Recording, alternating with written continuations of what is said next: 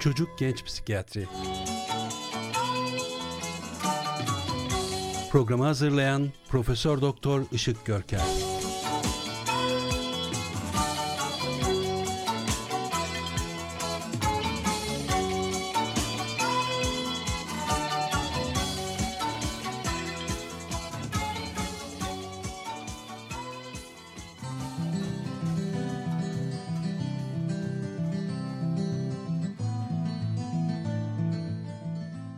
Trakya Üniversitesi Radyosu Radyo Güne Bakan'dan 106.2 frekansından tüm dinleyicilerimize sağlıklı mutlu bir gün dileklerimizle yeni bir çocuk genç psikiyatri programına başlıyoruz.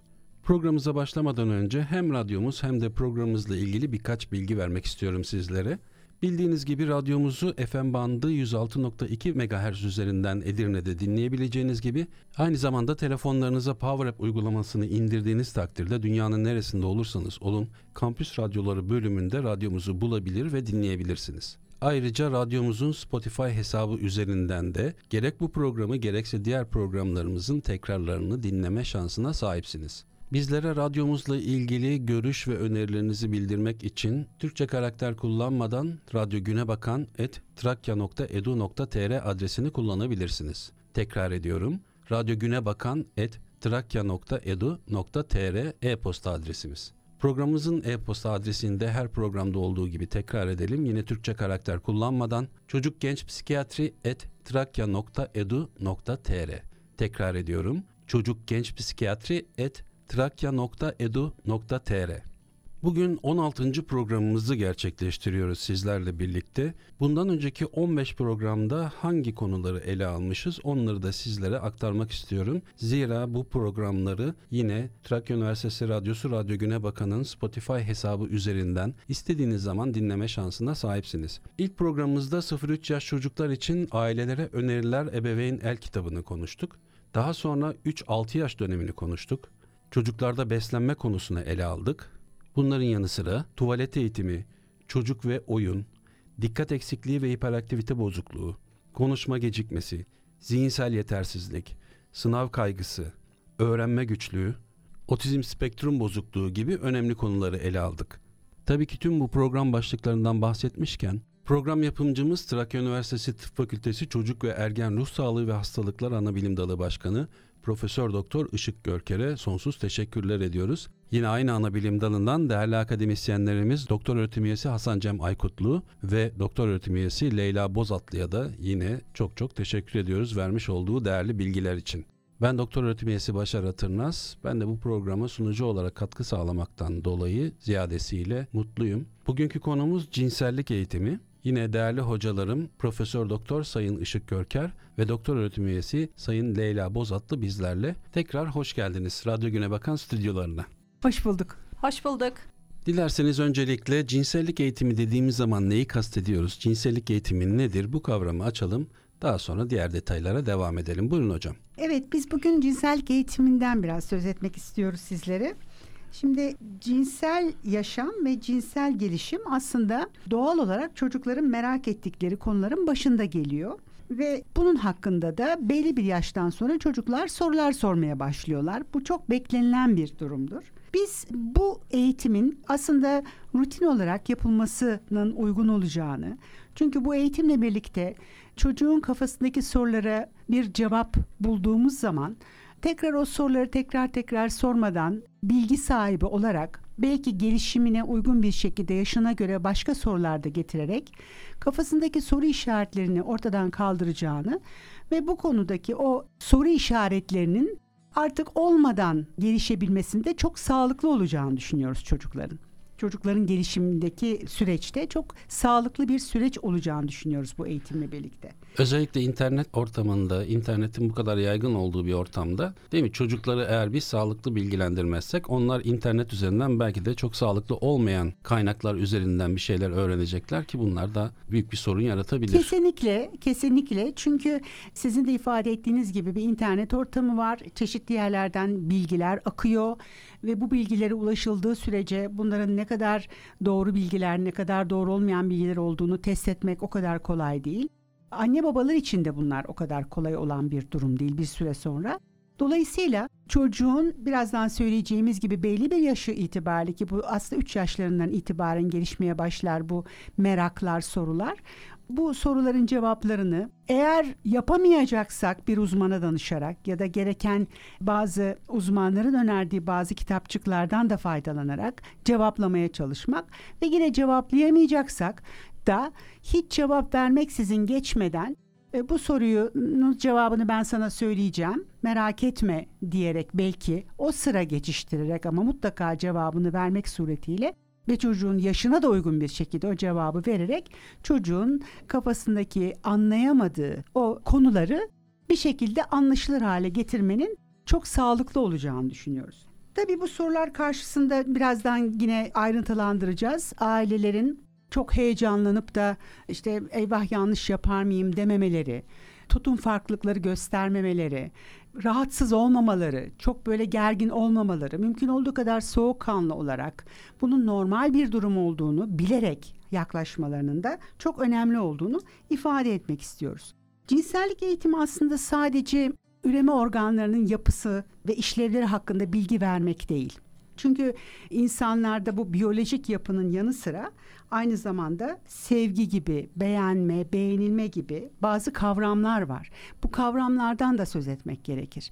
Yani bu eğitimi verirken çocuğun ilerleyen yaşlarında ergenlik dönemine de geldiğinde ve bu ihtiyacı sergilediğinde olayın sadece bir biyolojik yapı değil, bunun biyolojik yapıyla beraber aynı zamanda bir beraberlik olduğu, bir insanın sevgisinin ihtiyacı olarak ortaya çıktığı konusunda da mutlaka bilgilendirmemiz önemlidir diye düşünüyoruz.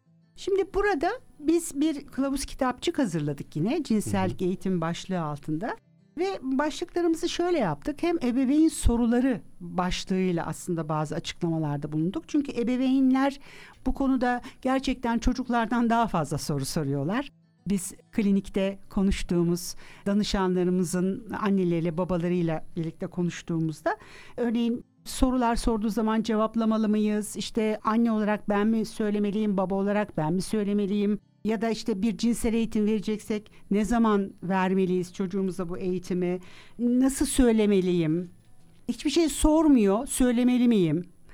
Veya işte cinsel organlardan bahsederken nasıl bahsetmeliyim gibi çok çeşitli soruları oluyor ebeveynlerin bize. Bir de ebeveynlerin aynı zamanda çocuklardan gelen sorulara nasıl cevap verecekleri bilememeleri gibi bir durum oluyor. Yani çocukların da bazı soruları, soru şekilleri oluyor. Bu soru şekilleri de yaşlarına göre çok farklılıklar gösterebiliyor.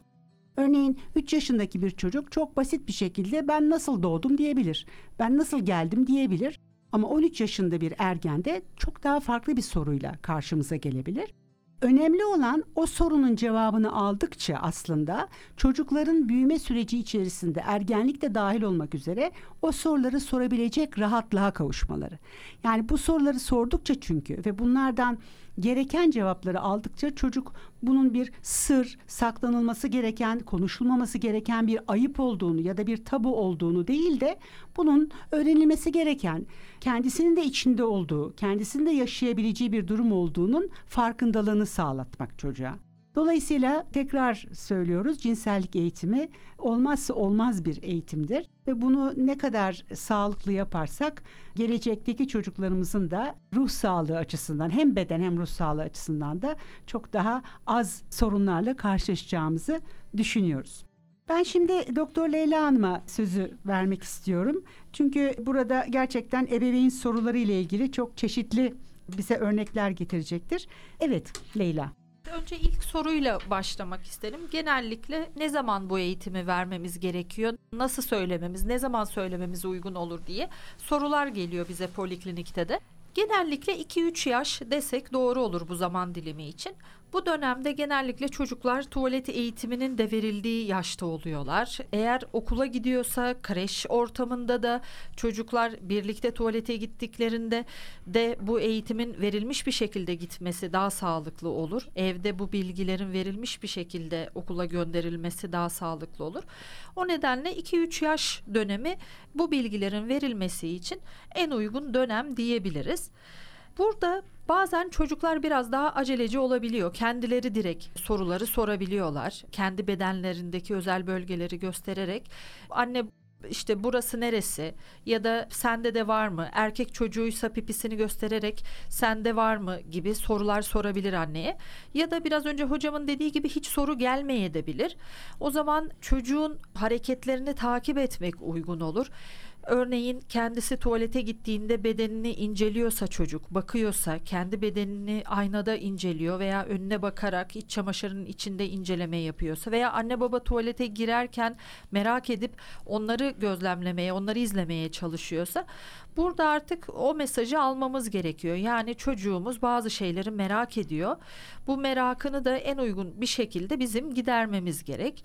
2-3 yaşlarında sadece organları tanımlamak yeterli. İşte bu senin özel bölgen, işte pipi, vajina kelimesi kullanılabilir kızlar için biraz daha yaş büyüdüğünde meme denilebilir gene tanımlamak için ve bunları çok normal bir şekilde söylersek çocuğumuz da bunların gayet işte kolumuz, bacağımız, gözümüz gibi nasıl organlarımız varsa bunlar da bizim cinsel organlarımız diye öğreniyor. Ama burada anne biraz daha utanarak, gülerek veya kızarak bu organları tanımlarsa burada çocuk hani neden bu şekilde bu organlar tanımlanıyor diye düşünebilir. O yüzden gayet olumlu bir yaklaşımla çocuğun sorduğu soruları yanıtlamamız uygun olur.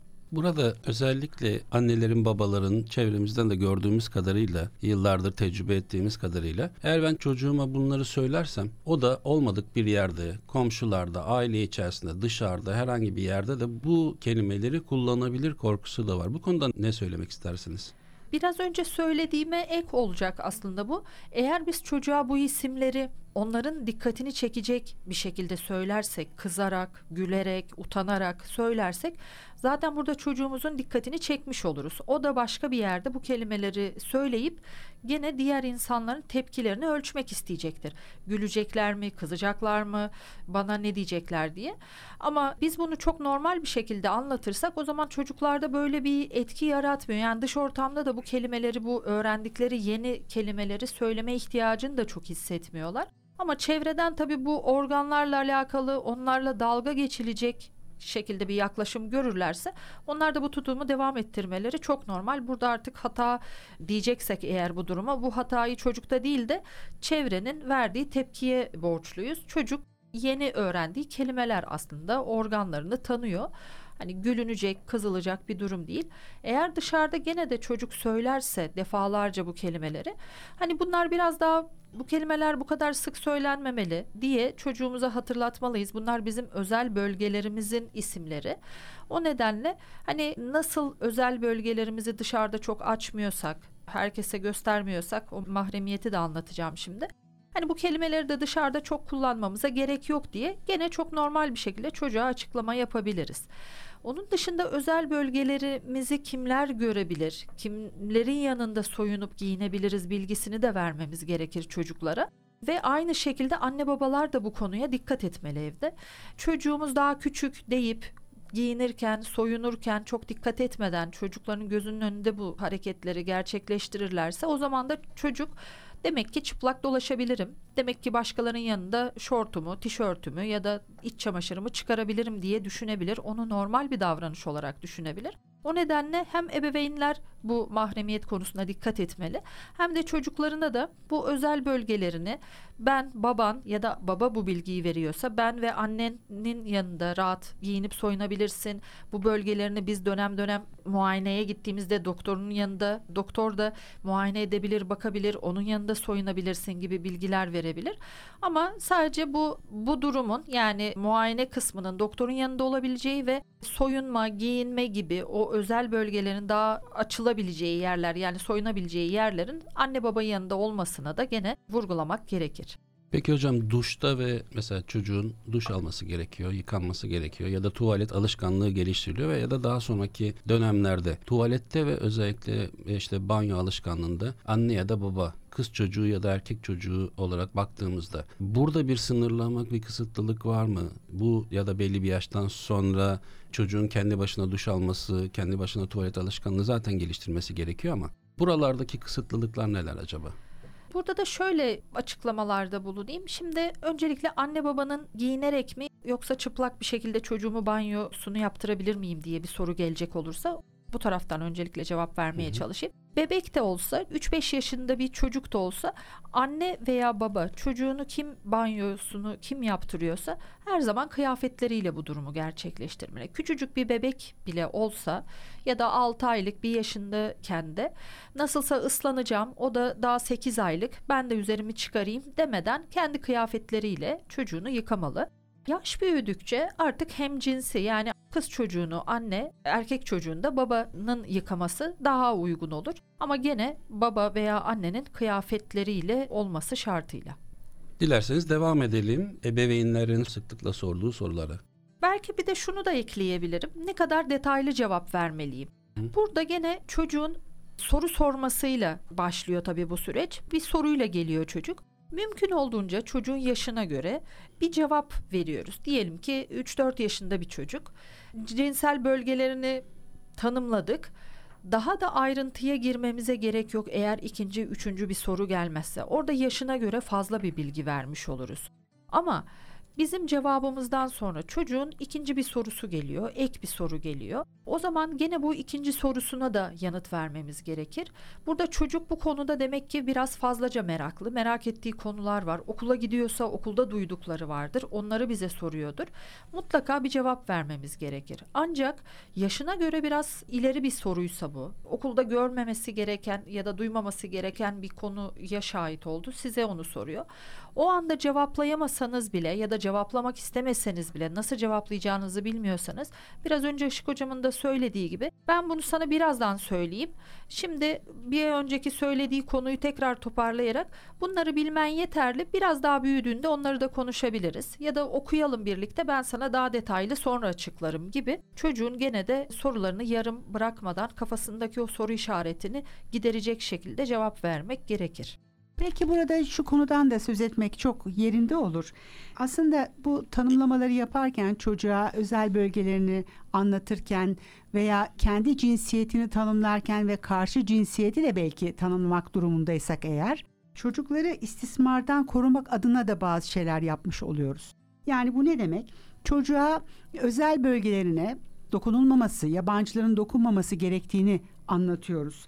Yani bu bölgeler tanımlandıktan sonra gerektiğinde kendi dokunabilir. Annesi babası işte yıkarken dokunabilir ama yabancı insanlar özel bölgelere dokunmamalıdır. Çünkü bunlar özel bölgelerdir. Eğer böyle bir şey olursa hayır demesi gerekir. Hayır demeye öğretebiliriz. Ve yabancı kavramını da aslında öğretmek gerekir. Yani hani evin içi ve evin dışı bunu anlatmamız gerekir. Dolayısıyla çocuğun kendi bedenini korumasını da bu şekilde öğretmiş oluruz. Çünkü öteki türlü bazı problemler istismar adı altında gelen problemlere bir açık kapı olabilir bu. Biz bu tanımlamayı ve bu eğitimi yapmazsak. Buradan da söz etmek istedim. Teşekkürler hocam. Yine başka bir konuyu da ele alabiliriz biz burada. Sık sık karşılaştığımız bir konu bu aslında. Sıklıkla çocuklar anneleriyle ayrı olarak ya da babalarıyla ayrı olarak ya da onlarla birlikte olarak uyuyabiliyorlar gece. Bunun çeşitli nedenleri olabiliyor. Çocuklar kendi başına uyumaktan dolayı kaygı yaşayabiliyorlar, korku yaşayabiliyorlar ve bunun çözümü olarak da hani korkmasın, kaygılanmasın, rahat uyusun diye anneler, babalar yanlarına alabiliyorlar. Burası çok önemli aslında. Çünkü çocuğun mutlaka bir kendi odasının, kendi yatağının olması, onun ayrı bir birey olduğunu hissetmesi açısından çok önemli. Yani eğer ayrı bir odası ve yatağı olmasına rağmen biz çocuğu yanımıza alırsak öncelikle bir kere bebeksi bir muamelede bulunmuş oluyoruz. Yani bebeksi bir davranışta bulunuyoruz. Sen ihtiyacın var bana. Ayrı bir birey değilsin. Daha bebeksisin, daha çocuksusun. Ben seni koruyorum, yanıma, koynuma alıyorum mesajını bir kere veriyoruz.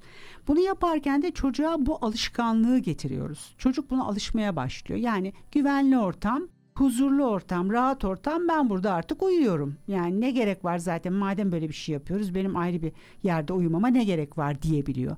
Bu işte bireyselleşmeye çok büyük bir ket vuran çok ciddi şekilde engelleyen bir durum.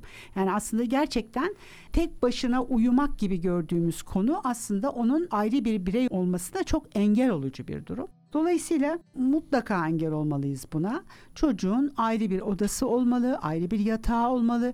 Bazen bazı koşullar gereği annenin babanın yattığı odada çocuğun yatağı da olabilir.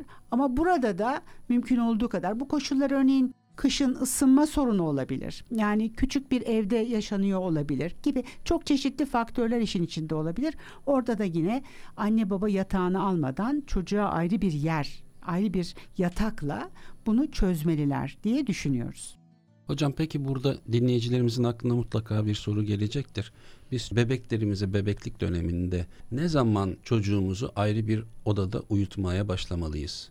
Evet, şimdi bebeklik dönemi tabii çocukların çok sık uyandığı, yani uykularının çok düzensiz olduğu, beslenme saatlerinin de sık sık olması gerektiği bir dönem. Burada tabii annenin rahatı için ya da anne ve babanın rahatı için çocuklar kendi beşiklerinde, kendi odalarında uyuyabilir. Burada bir zorluk yaşanabilir çünkü ayrı bir öde. Bir de çocuğun vereceği reaksiyonlar, işte ağlaması bunları duymak isteyebilirler. Ama ne zamanki çocuk kendi otonomisini kazanma gibi yürüme ye başlamak, işte oturması, yürümesi, artık konuşmaya başladığı döneme geçtiği zaman yavaş yavaş artık çocuğa kendi odasına alıştırmalı. Kendi yatağında artık beşikten yatağa geçerek çocuğu burada kendi başına uyuyabilecek bir alışkanlık sürecine sokmak gerekir. Tabii ki çocuk uyandığında annesini babasını çağırdığında yanında olunmalıdır. Eğer bir sıkıntı duyuyorsa onun yanında onu o sıkıntıyı gidermek adına beklemelidir kendi başına uyuyamıyorsa uyuyana kadar da çocuğun yanında durulmalıdır. Ama bu biraz önce söylediğim istemediğimiz o alışkanlığı, birlikte uyuma alışkanlığı kazandırmamak adına sebat ederek kendi yatağında uyumasının, huzurlu uyumasının sağlanması için biraz uğraşmak gerekir. Bu yavaş yavaş kendiliğinden kazanılacak bir süreç diye düşünüyoruz. Tabii ki bebeklikten sonraki süreçte de mesela çocuklar televizyonda bazı içeriklere maruz kaldığı zaman ya da yetişkinlerin anlatmış olduğu bazı hikayelerden ya da çevreden duyduklarından dolayı, duyduğu bir sürü hikayeden dolayı korkular geliştirebiliyorlar sonradan da. Daha çok metafiziksel varlıklarla ilgili olabiliyor evet. olabiliyor ve bu da bir şekilde o çocuğun o kendini güvende hissetmemesinden dolayı ebeveynlerin yatak odasına gitmesi gibi Evet, böyle e, bir talepte bulunabilirler. Ola, olabiliyorlar. Evet. Böyle bir durumda çocukla nasıl konuşulması gerekir? Neler söylenmesi gerekir çocuğa? Öncelikle bu maruziyetten uzaklaştırılması gerekir her şeyden önce. Neyse evet. o yani o travmatik, rahatsız edici bir durum sayar bir an önce uzaklaştırılması gerekir. Yine burada da uyumasına engel olucu bir durum yaşamışsa biraz önce tanımladığım gibi yanında bekleyerek onunla rahatlatmak üzere senin seyrettiğin bir filmdi. Filmde gerçek dışı şeyler olabiliyor. Bunlar beni bile bazen rahatsız edebiliyor, korkutabiliyor. Haklısın. Hadi bakalım şimdi uyuyalım. Ben senin yanındayım gibi güven verici, sakin ama kararlı olarak çocuğunuzun yanında olduğunuzda o bir iki gün sonra yavaş yavaş zaten azalacak ve ortadan kalkacaktır. Ama o onu yaşatan durumu bir daha yaşatmamak gerekir tabii. Önleyici bir tutum evet. sergilemek gerekiyor. Uygun olmayan içerikleri çocuklara izletirmemek gerekiyor. gerekiyor. Evet. için de Radyo Televizyon Üst Kurulu'nun aslında vermiş olduğu 3 yaş üstü, 7 yaş üstü gibi bazı sınırlamalar var. O sınırlamalara mutlaka ailelerin uyması gerekiyor. Mutlaka uyması gerekiyor. Çocukların uyku saatinden önce bu tür içeriklerin ortak alanda izlenmemesi gerekir. Hatta bu içeriklerin belki öncesinde anne ve baba tarafından izlenerek kendi kararlarıyla evet. belki hı hı. izletmeleri de çok yerinde olabilir. Yani çocuktan çocuğa fark vardır. Bazen çocuklar çok daha fazla korkabilirler veya beklenen bir şeyle karşılaşabiliriz çocukta. Dolayısıyla anne babanın bu konuda çok hassas olması gerekiyor ama kararlı bir tutum sergilerlerse bundan yavaş yavaş çocuk rahatsız olmaktan en azından çıkacaktır, kurtulacaktır. Teşekkürler hocam. Ben de bir konuda ekleme yapmak istiyorum. Bizim polikliniğimizde sıkça bize yöneltilen sorulardan bu da. Çocuğumun cinsel organıyla oynaması normal mi diye sorabiliyor bize ebeveynler. Burada tabii bu çocuğun kaç yaşında olduğunu öncelikle sormamız gerekiyor ve daha önce bir cinsel eğitim olarak bir eğitim verilmiş mi? Çocuğa özel bölgeleri anlatılmış mı? Bu bilgilere sahip mi çocuk diye bunları sormamız gerekir. Çünkü çocuğun en meraklı olduğu dönem bu dönemde gerçekten bedenini keşfetmeye çalışıyor, merak ediyor ve bizim onu olabildiğince aydınlatmamız, bu kafasındaki soru işaretlerini netleştirmemiz gerekiyor. Eğer bu eğitimi verdikten sonra hala cinsel organıyla oynamaya devam ediyorsa çocuk İlk etapta bu davranışını görmezden gelebiliriz. Çünkü bu keşif sürecinde çocuk aslında bir keyif aldığını da fark etmiş oluyor. Bu cinsel bölgesiyle oynarken bu oynamadan aslında bir haz aldığını fark edebiliyor ve bu davranışını devam ettirme eyleminde olabiliyor. İlk etapta bu davranışı görür görmez kızıp ona olumsuz kelimelerle geri bildirim verirsek çocuğumuzun daha çok dikkatini çekmiş oluruz o konuya. O nedenle görmezden gelerek farklı bir konuya dikkatini çekip onu oynamış olduğu kendi oyunundan uzaklaştırıp farklı bir yöne yönlendirebiliriz. Ama dediğim gibi ilk etapta eğer bunu nadiren yapıyor ve hala biz çocuğumuza cinsel eğitimi vermediysek, o bilgilendirmeyi yapmadıysak ilk etapta bu bilgileri ona açıklamamız gerekir.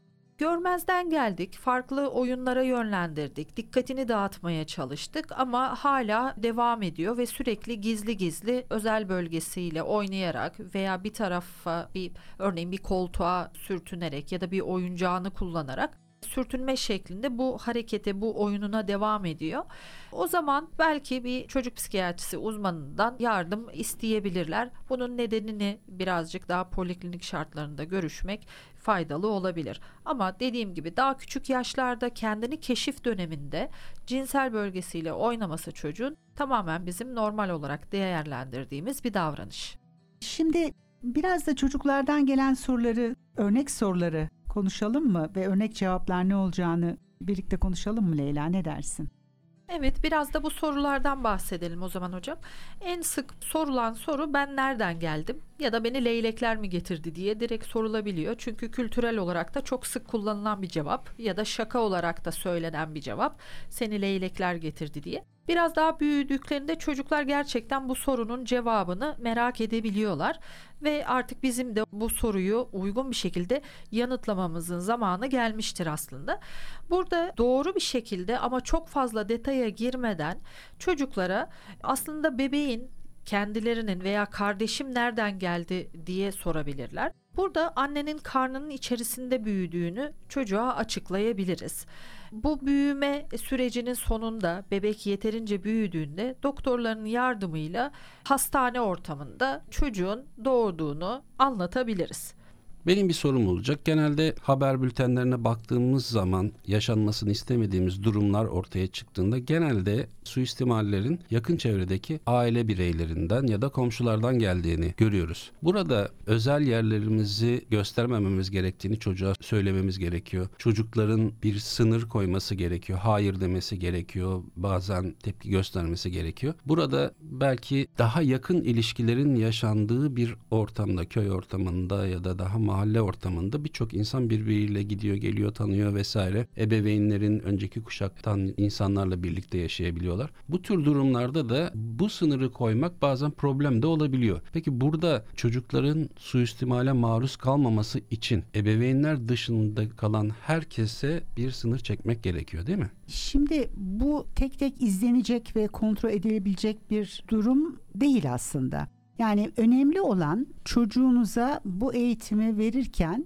biraz önce söylediğim gibi kararlı, tutarlı bir şekilde ona anlayabileceği dilde bedenini korumasının onun için çok önemli olduğu, özel bölgelerinin olduğu, buraya herkesin dokunamayacağı, çok gerektiğinde kendisi ve ailesi ki annesi babası biraz önce söylediğimiz gibi işte yıkarken dokunabileceği veya bir durum olduğunda dokunabileceği gibi anlatırsak aslında bunun dışında diğer akrabalar ya da diğer kişiler dediğimiz kişilerin aslında yabancı olduğunu çocuk zaten öğrenir. Yani geniş ailede olsa bu, etrafındaki kişiler yakın da olsalar aslında verilen mesaj doğru giderse çocuğa, çocuk aslında bir başkasına zaten hani örneğin amcaya, dayıya dokundurmaz Tabii çok özel durumlardan söz etmek istemiyorum. Örneğin işte bir ebeveyn kaybı olan çocukların işte teyze tarafından bakılıyorsa anne yediği olan kişilerin zaten aslında annelik yapması ya da baba yediği olan kişilerin babalık yapmasında olay daha farklı bir boyuta geçer muhakkak ama genel olarak konuştuğumuzda gerekli mesajı verdiğimizde çocuk aslında artık diğer kişilerin yabancı olduğunu bilir ve ona göre davranır. Tabii bu davranışı sergilerken çocuğumuzu da korumayı bilmeliyiz. Yani çok iç içe olmak, herkesin bir arada iç içe işte ne bileyim uyurken de, birlikte yaşarken de sınırları korumamak, belli sınırları göstermemek de çocuk ne yaparsa yapsın kendini koruyamayacak bir ortama sokabiliriz. Dolayısıyla anne baba olarak her zaman zaten aslında koruyucu ve sınırları da olan bir ortam çizmeleri gerekiyor. Bunu yapmalıyız ki çocuklar da aldıkları mesaja göre hareket edebilsinler. Teşekkürler hocam. Bir de cinsiyet söz konusu olduğu zaman çocuklar özellikle kreş ortamından başlayarak ilkokulda dahil olmak üzere bazı mesleklerin erkeklerin yapabileceği ya da kadınların yapabileceği meslekler olarak da ayrıldığını görüyoruz maalesef. Bu konuyla ilgili neler söylemek istersiniz? Burada mesela bir hemşirelik dediğiniz zaman genelde kadınların yapabileceği ya da askerlik dediğiniz zaman erkek mesleği olarak kabul edilen meslekler var. Bugün baktığımızda aslında herkes her mesleği hemen hemen yapabiliyor. Dolayısıyla belki istisnalar vardır mutlaka ama bu tür durumlarda çocuklar küçük yaşlardayken bu tür tercihlerle yönlendirilmeleri çocuğun geleceğinde nasıl bir soruna yol açabilir? Bu konuyla ilgili neler yapmamız lazım? Teşekkürler. Aslında siz bu sorunun içinde cevabı da bir yerde getirdiniz. Çünkü aslında artık bu dönemde yavaş yavaş bunlar kalktı diyebiliyoruz. Yani hem kadın olsun hem erkek olsun veya işte kız ya da erkek büyümekteyken istediği çeşitli mesleğe ulaşmak için elinden geleni yapıyorsa eğer o meslek ona açılıyordur. Tabii yetiştirirken böyle bir koşullanma getirmemenin önemli olduğunu anladığım kadarıyla sizin sorunuzdan ben bunu anlıyorum. Bunun tabii çok önemli olduğunu düşünüyoruz biz de. Yani kızsan şöyle meslekler sana daha uygundur, erkeksen böyle meslekler daha uygundur demek tabii ki büyük bir yanlış. Çünkü herkes bir şekilde bir mesleğin altından kalkabilir. Yeter ki bunu öncelikle istesin veya yönlendirmede sağlıklı olalım. Yani yetenekleri konusunda, istediklerini gerçekleştirmesi konusunda ona ne kadar destek olursak, onun o kişinin, o çocuğun veya o ergenin veya erişkinliğe giren bireyin bu isteklerine ulaşabilme şansı her zaman çok yüksektir. Cinsiyete göre ayrım yapmamanın çok önemli olduğunu biz de sizin gibi düşünüyoruz. Gerçekten bunu yaparsak eğer yanlış bir duruma yönlendiririz çocuklarımızı. Bir de mesela çocuk parklarında çocuklar gidiyorlar salıncakta, tahterevalli'de vesairede falan oynuyorlar. Doğal olarak aslında orada cinsel kimlikleriyle yoklar. Yani bir kız çocuğu erkek çocuğu ayrımı olmaksızın Tabii ki, o- tabii ki. oradalar. Ama biz ebeveynler olarak genelde o kodlarla çocuklarımızı yönlendiriyoruz gibi geliyor. Ne gibi? Mesela sen erkeksin, şöyle yapmalısın. Sen kızsın, şöyle yapmamalısın falan gibi Çok sözler. yanlış olduğunu bilmemiz gerekiyor. Yani sen erkeksin, sen kızsın. işte erkekler hani çok basit şeyler aklımıza gelenleri söyleyeyim. Ağlamaz erkekler gibi. Ya da sen kızsın işte futbol oynama. Erkekler futbol oynar gibi. Sanıyorum bunları Ayakların çarpık olur falan diye. Bilemiyorum onlar söyleniyor mu ama. Ya tabii ki cinsiyete göre çocuğun yapması gerekenleri gibi bir şey aktarmak çok yanlış. Bir de insani olarak iki çocuğun, 3 yaşında iki çocuk düşünün, 4 Tabii yaşında iki çocuk düşünün. söz ediyoruz. Bunların birbirini cinsel kimlikleriyle kodlaması yerine bir insan olarak, arkadaş olarak kodlaması daha Kesinlikle sağlıklı haklısınız. olacaktır herhalde. Zaten cinsel kimliklerini daha kazanmaya çalışıyorlar. O daha yok ortada. Bir merak var. Bizim de biraz önce size anlattığımız aslında merakların sonucunda gelen sorular veya ebeveynlerin ne yapması gerektiğini biraz tanımlamaya çalıştık. Kesinlikle iletişim kurmalı, birbirleriyle tamamen cinsiyet gözetmeksizin ilişki kurmalarını, sosyalleşmelerini sağlamak aslında esas amacımız olmalı.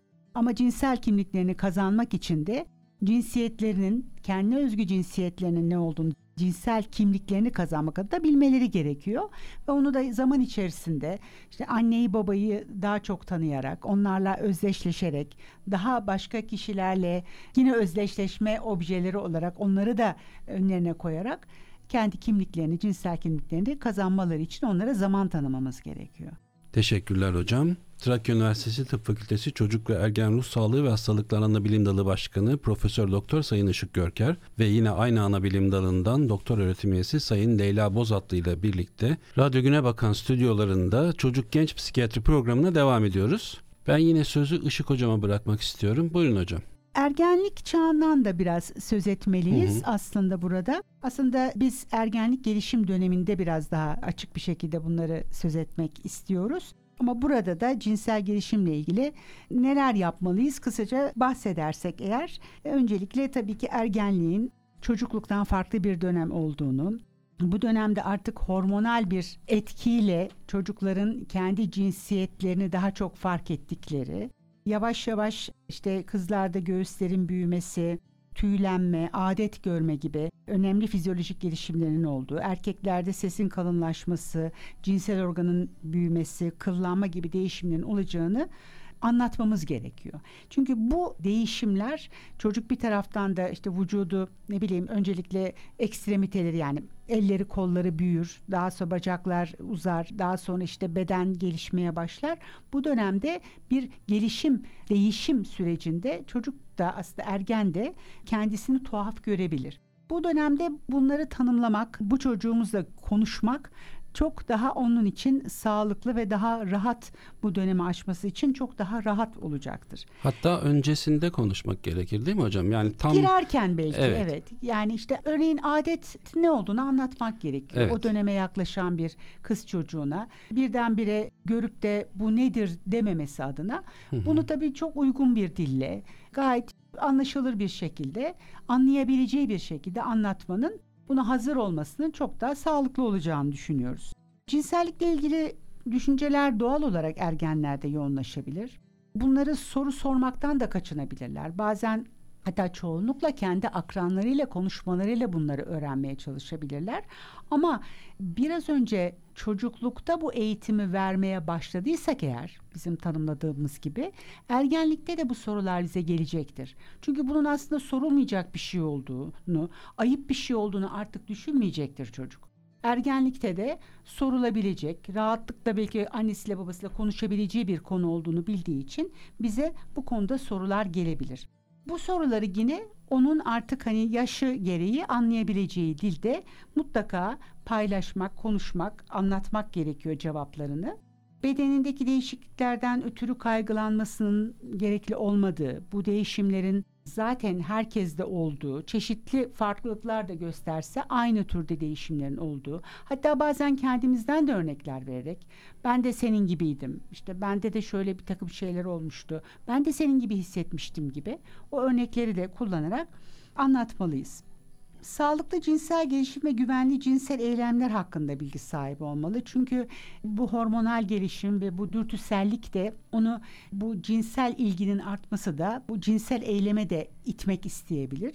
Bu konuda da kendisine yardımcı olmamız gerekir. Bu konuda da erkek arkadaşı olabilir, kız arkadaşı olabilir. Bunların sınırları konusunda çocuğumuzla konuşmalıyız. Çocuğumuza bazı riskleri varsa eğer cinsel eylemlerle ilgili bazı riskler varsa bunları anlatmalıyız. İşte aslında bilgi sahibi olması için bulaşıcı hastalıkları da anlatabiliriz. Ve temizlik ve hijyen konularında mutlaka eğitmemiz gerekiyor. O konu üzerine mutlaka titizlikle davranmalıyız. Yıkanmasının gerekli olduğu, özel bölgelerinin temiz olmasının gerekli olduğu gibi konularda mutlaka çeşitli zamanlarda çocuklarımızla konuşmamız gerekiyor. Ergenlik tabii çok özel bir dönem. Çocukluktan erişkinliğe geçen bir ara dönem. Bu dönemde olay sadece hormonal gelişim, işte bedenin büyümesi, sesin kalınlaşması değil, aslında cinsel kimliğin de kazanıldığı, kişilik gelişiminin de olduğu çok özel bir dönem. O nedenle biz bir sonraki programımızda ergenlik gelişimi başlığı ile ilgili biraz daha detaylı bir şekilde tanımlayacağız bu dönemi. Teşekkür ederiz vermiş Ben- olduğunuz değerli Ben bilgiler için. aslında kapatmadan önce bir ekleme de yapmak Tabii istiyorum. ki buyurun hocam. Hocamı dinlerken aklıma geldi ebeveynlere bir öneri olarak, ek öneri olarak anlattıklarımız dışında Aslında cinsel eğitim dediğimizde bu konuları konuşmak bazen ebeveynlere belki de çoğunlukla da diyebilirim. Konuşmak zor gelebilir ama akıllarına şunu getirebilirler. Eğer 3 yaşındaki çocuklarına en basit temel özel bölgeleriyle alakalı tanımlamaları verirken, bu konuları anlatırken aslında çocuklarına şu mesajı vermiş oluyorlar. Her yaşta istediğin zaman gelip bana cinsel konularda, cinsellik konusunda her şeyi sorabilirsin, anlatabilirsinin mesajı daha ilk 3 yaşında verilmiş oluyor. 3 yaşında konuştuğunuz konu 13 yaşına kadar yani 13 yaşında bile o ergen gelip size artık daha farklı konulardaki kafasındaki soruları sormak için size rahat bir şekilde gelebileceğini aslında ona göstermiş oluyoruz kaçınarak, soruları geçiştirerek nasılsa okulda öğrenir, arkadaşlarından öğrenir. Zaten şimdiki çocuklar her şeyi biliyor gibi düşünüp bu bilgileri biz vermezsek onlar her zaman bu bilgileri farklı yerlerden edinmeye, farklı kişilerle bu konuları konuşmayı tercih edecekler. O yüzden buna dikkat etmelerini söyleyebilirim son olarak kaçınmasınlar. Biraz konuşması belki zor gelebilir.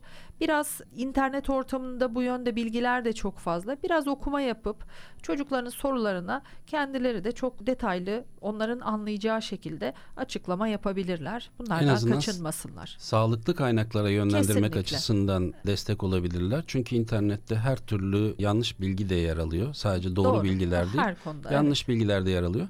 Ama burada bahsettiğiniz şey aslında sadece cinsellikle alakalı ya da cinsiyetle alakalı da değil. Doğru. Aslında anne baba Aha. ve çocuk ebeveyn çocuk ilişkisine baktığımız zaman çocukların konuşabilir olması, sorgulayabilir Her olması, konuyu. hiyerarşik düzlemde elbette ki anne baba çocuğun üstündedir ve çocuğunu eğitir, yönlendirir, yetiştirir, doğru yönlendirmeler yapar. Ama bunu bir otorite figürü olarak baskıcı bir yaklaşımla sadece bu konuda değil, diğer konularda da eğer biz çocuğa söz hakkı vermiyorsak çocuk böyle özel bir konuyla ilgili zaten konuşması çok fazla mümkün mümkün olmayacak. Yani belki bu konuda da düşüncelerinizi söylemek istersiniz. Yani bir çocuğu sadece bu konuyla ilgili değil her zaman söz hakkı tanıyan bir anne baba olmak ve her konuda soru sorabilen bireyler yetiştirmek, evet. sorgulayabilen bireyler yetiştirebilmek bizim için çok önemli. Böyle yaparsak sanırım daha sağlıklı bir zemin oluşturmuş oluruz diye evet, düşünüyorum. Evet çocuklarına dediğinize katılıyorum. Hani üzerine çok söyleyecek bir şey de yok aslında ama koşulsuz sevgilerini her zaman birbirlerine göstermeleri, olumlu yaklaşımları, onları her zaman dinlemeye açık olduklarını hissettirdiklerinde dediğiniz gibi cinsel eğitim değil her konuyla ilişkili olarak ilk başvurabilecekleri paylaşmak veya soru sormak için ilk başvurabilecekleri kişilerin anne babalar olduğunu en güvenilir e, en güvenilir evet olduğunu kaynak. da görmüş olurlar. Ben hep anlatıyorum arkadaşlar arasında sohbet ederken benim bir arkadaşımın çocuğu vardı. Ortaokul yaşlarındaydı o zaman da ve salonda oturup konuşuyorduk. Tabii çocuk topla oynadığı için biraz birbirimizi anlamak zor oldu ve benim abi dediğim bir arkadaşımız çocuğuna döndü dedi ki oğlum oynama dedi. Çocuk da döndü dedi ki niye oynamayayım baba diye sordu. Ben dedim ki abi lütfen cevap verir misin dedim çocuğa.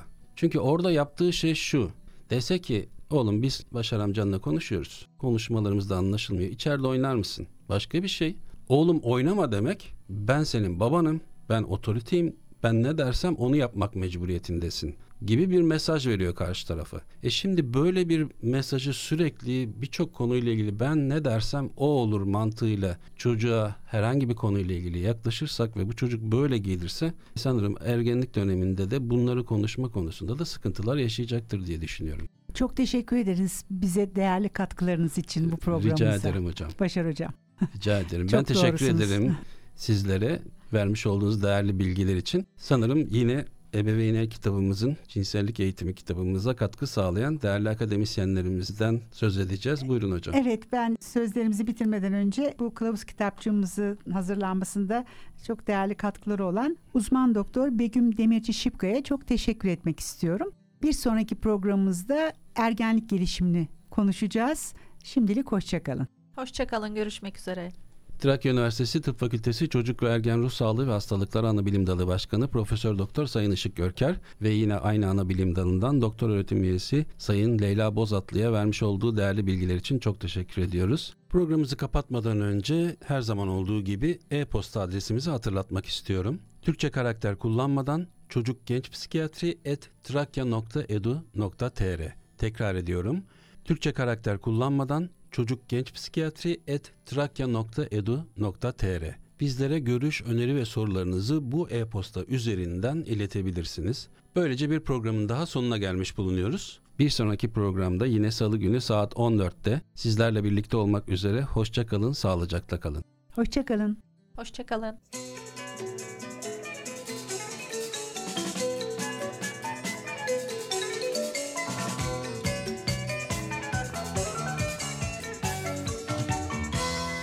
Çocuk Genç Psikiyatri.